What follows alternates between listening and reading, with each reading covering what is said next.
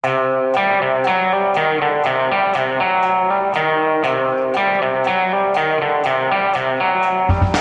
dag møtes USAs 538 valgmenn for å endelig avgjøre valget, eller eh, får de endelig avgjort valget? Og mm, verdens største spionforfatter John Le Carré er død. Dette er Gjever og gjengen. Det er mandag den 14. desember. Ja, uh, Hanne, du skrev en litt skummel kommentar på, på fredag om uh, statskuppforsøket, som vi vel må kunne kalle det, til uh, Trump. I dag skal disse valgmennene, som jo egentlig er de som blir, blir valgt i, ved det amerikanske valget, møtes eller samles, om det er digitalt eller hvordan det skjer, for å virkelig avgjøre valget. Har du troen på at de kommer til å respektere valgresultatet? Ja, jeg har tro på valgmennene som møtes i dag. Det har jeg virkelig. Jeg tror at dette, denne steinen skal man klare å passere på skikkelig vis. Det, jo, det har jo vært sånne såkalt unfaithful electorates eh, tidligere. Det, det var, eh, jeg tror det var fem av de som egentlig skulle stemme på Hillary Clinton, som stemte på Trump sist, og så to som skulle stemme på Trump, som stemte på Clinton. Så det er, det er jo ikke sånn helt sensasjonelt nytt at noen av dem svikter i avgjørende øyeblikk. Nei, men nå er det såpass stort flertall og trygt flertall for Joe Biden at det da skal være veldig, veldig mange som snur. Og det kan i hvert fall ikke jeg se for meg. Hva tror du, Anders? Uh, ja, altså Akkurat her uh, tror jeg ingenting før uh, Joe Biden står med hånden på Bibelen den, utenfor Capitol den, den 20. januar. Men hva med deg, Per Olav? Du, du dekket jo den vanskelige valgopptellinga i Florida i 2000. Og du vet at det er ganske Det er ikke bare bare dette her. Er det bankers i det øyeblikket disse valgmennene har hatt sin avstemning? Ja, Den gangen i 2000 så valgte jo Al Gore å kaste inn håndkleet like før denne avstemningen skulle finne sted. da. Det var, det var først da det ble klart at eh, George W. Bush ble president i i 2000. Men han gjorde det før den, disse opptellingene av, av, stemmene i delstatene ble, ble foretatt. Jo, men de, de, de møttes likevel? Og, og de møttes likevel, formelle, og da var det formelt uh, i orden. For da var disse, alle disse fra Florida som det da var strid om, de stemte jo da for, um, for Bush, og så var det, var det, valget avgjort.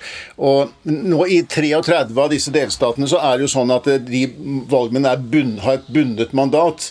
Men i 17 av delstatene så har de ikke et formelt sett et bundet mandat, men samtidig så er det jo da de lokale delstatspartiene som har utnevnt disse valgmennene, og i de delstatene der Biden har vunnet, så er, deres, eh, så er det de som har utvalgt disse folkene. Om det er en og annen troløs valgmann her, så, ikke, så kan ikke det forandre på det utfallet som vi kan få se i natt, da, tror jeg, sent i kveld eller i natt, at eh, Joe Biden kommer til å bli valgt av disse. Så er det neste slaget som kommer til å stå da 6.1 i, eh, i Kongressen. Vi har ikke vært så vant til å tenke på dette som hindre i det hele tatt, men, men det er altså en til hvor en fartsdump til uh, før det er formelt. Ja, og der er det jo slik at dersom én representant fra uh, Representantenes hus og én fra Senatet blir enige om at de utfordrer noen av uh, stemmene, så kan de gå sammen og gjøre det.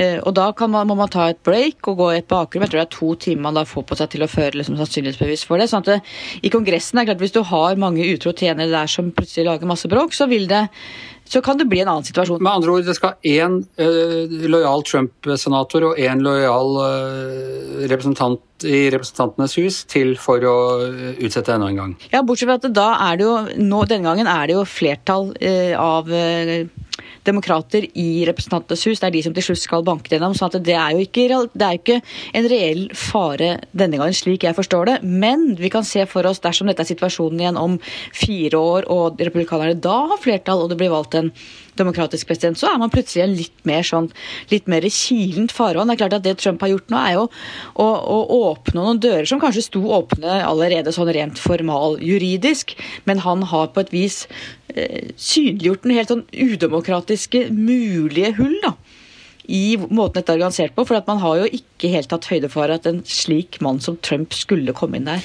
Nei, Det er ganske utenkelig at, kan at, de kan støte om på det. for at, altså, Det vært to ganger tidligere, i 1969 og 2005, at noen har utfordret den opptellingen eh, og, og, resultatet av valget i, i, Kongressen. Og ingen av de gangene som førte det frem. Det, det, det kreves jo da flertall både i Representantenes hus og i Senatet. Det er helt utenkelig at Representantenes hus eh, skal eh, gå imot mot Biden her. de vil støtte ham. Og det er også skal bare et par republikanske senatorer til. Og det er jo flere republikanske senatorer som har gratulert Biden med seieren. sånn at jeg tror ikke det er flertall i noe av disse husene for å omgjøre dette resultatet. Det som er spennende den, den dagen i januar, er jo at det er, det er visepresident Mike Pence som skal lede det møtet.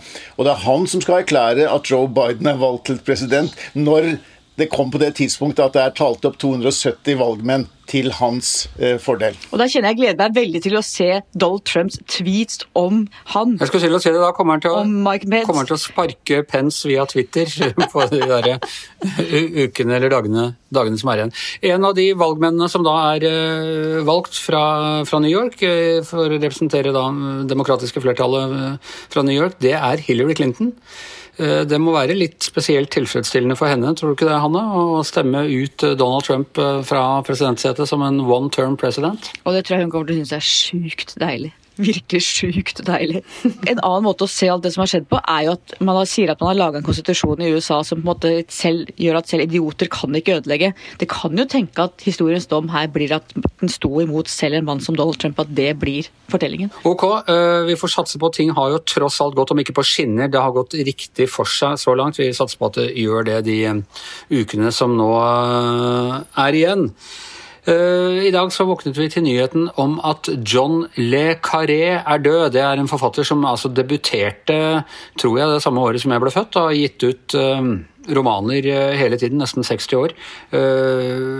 Til nå. Han var kjent han skapte den moderne spionromanen, altså der hvor spionromanen gikk fra å være noe annet enn bare sånne røverromaner og, og, James Bond uh, og sånne ting, til å bli eh, romaner egentlig om mellommenneskelige forhold, om kjærlighet, om svik, om dobbeltspill eh, og i det hele tatt. Og han var jo regnet som Per Olav den kalde krigens forfatter helt fram til muren falt, men han klarte søren meg, han har jo holdt på nesten han har holdt på lenger etter at muren falt enn han faktisk gjorde som forfatter før. Ja, jeg har hatt veldig stor glede av å lese bøkene hans. og Hver gang det har kommet ut en ny, og jeg tror det har kommet ut 25 romaner, um, så har jeg vært og kjøpt de siste. Og jeg syns jo det at han, han, er jo en mester i å beskrive tiden etter når jernteppets fall og den, den, det splittede Europa og den, uh, og den kalde krigen.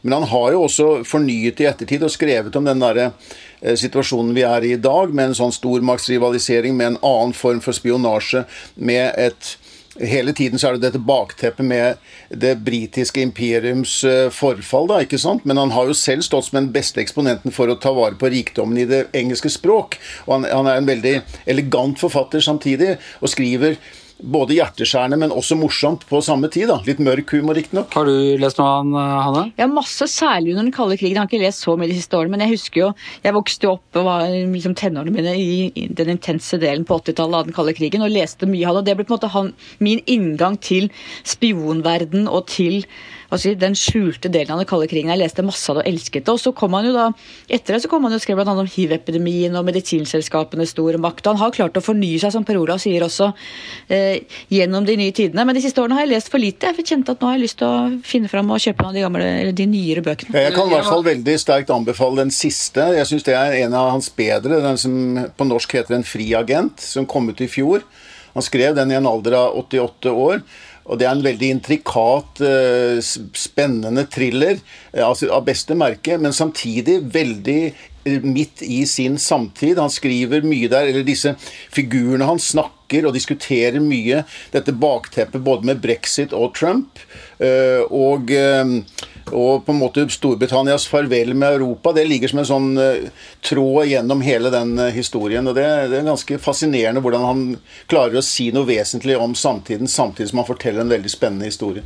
Og Han uh, er jo aller mest kjent for figuren Smiley, som dukket opp i veldig mange av bøkene, men som da særlig var i, i denne triologien om, om spionen som kom inn fra kulden, muldvarpen og Uh, hva het den siste? 'Smileys People' het den på, på engelsk, i hvert fall. Uh, Og hvor, hvor, denne sjefen for britisk etterretning på en måte kjemper en duell med Carla, som er sjefen for uh, sovjetisk eh, etterretning. Og spoiler alert, Smiley vinner til slutt, men man er, man er usikker på da i, i, det siste øyeblikket om han har uh, tapt sin sjel i, i denne helt rå uh, kyniske kampen. Det er filmatisert både som TV-serie og Eh, og film, dette her. Men utover det var det jo også en rekke andre andre bøker. Blant annet jeg syns eh, Per Olav, en av de beste bøkene jeg har lest om hele Israel-Palestina-konflikten, er jo sånn utenfra sett, er jo den uh, som het Little Drummer Girl, piken med trommestikkene. Hvor han uh, begår det mesterstykket og klarer å se den konflikten fra, fra begge sider, og vise både liksom hva som står på spill for begge, og, og, hvor brutale begge sider kan være. Ja, Virkelig et sånn internasjonalt perspektiv. Han har jo den, og den ble jo dessuten også filmatisert som veldig mange av de andre, mm, andre bøkene. Og den er blitt TV-serie nå, som kom i fjor eller, eller forfjor, med, med, en uh, norsk skuespiller i en av rollene, faktisk. Ja, nettopp. Så han har et veldig stort spenn her. Det er veldig mye mer. Men George Marley er på en måte en sånn gjennomgangsfigur. Det var fem romaner om han, vel, ja, som du sa. Og um, jeg så uh, Margaret Atwood, en annen kjent forfatter, skrev nå i dag at Eh, George Miley står på en måte som antitesen til eh, James Bond, en helt annen agent, den aldrende agenten. Men at eh, for å forstå midten, sånn midt midten av forrige århundre. Den beste måten å forstå det på er på en måte å lese om øh, de historiene om Smiley øh, til øh, Le Carré. For det forteller så mye om den tiden. Han kunne jo både mye om menneskesinnet og om storpolitikken. Og så kunne han mye om ambisjoner og backstabbing. og jeg tenker Han, han kunne godt ha, hvis han hadde blitt journalist Han var, var jo, hadde jo vært i utenrikstjenesten og, og, rett og slett jobba for etterretningen, så det var det han beskrev. Men jeg tenker hadde han jobbet i pressen, så kunne han skrevet noen ganske utleverende bøker om hvordan tingene foregår i pressen òg, fordi det er det er jo psykologien og det mellommenneskelige spillet dette her dreier seg om. Har du noen favorittbok du vil anbefale av ham, Hanne? Eh, det må vel være 'Spionen som kom inn fra kulden', tror jeg. Ja, gjennom, Gjennombruddet fra 62. Hva med deg, Per Olav? Ja, jeg, det, jeg, tenkte at du ville spørre meg om dette, Anders. Ja. det er ikke så helt enkelt, for jeg syns det er veldig mange gode. Nå nevnte jeg den siste, som jeg syns er en av de bedre. Men jeg syns nok den aller beste er den uh, som heter Muldvarpen på norsk, og som er Tinker Taylor Social Spy. Ja. Um, uh, den syns jeg er veldig god. Men, uh, og, så da vil jeg kanskje nevne den. Ja, da har du fått, fått anbefale to, da. jeg har allerede nevnt Piken med trommestikkene, eller Little Drummer Girl, og, og alle alle disse her eh, spionene som kom inn fra kulden, ble filmet på, på 60-tallet med Richard Burton i, i hovedrollen. Uh, Tinker Taylor Soldier Spy er både en BBC-serie fra 1980 og en film fra 2011. Og Piken med trommestikkene ble filmet i henholdsvis rundt 1990 og uh, nå for et par år siden som, som TV-serie. Så her, her kan man følge Karé i alle kanaler. Og med det så er uh, Giæver uh, og gjengen over for denne gangen. I hvert sitt hjemmestudio. Hanne Skartveit, Per Olav Ødegaard, Anders Giæver og sjefen, som han heter i uh, Karébøkene, Kontroll, heter Magne Antonsen og befinner seg på hemmelig adresse. Vi høres igjen i morgen.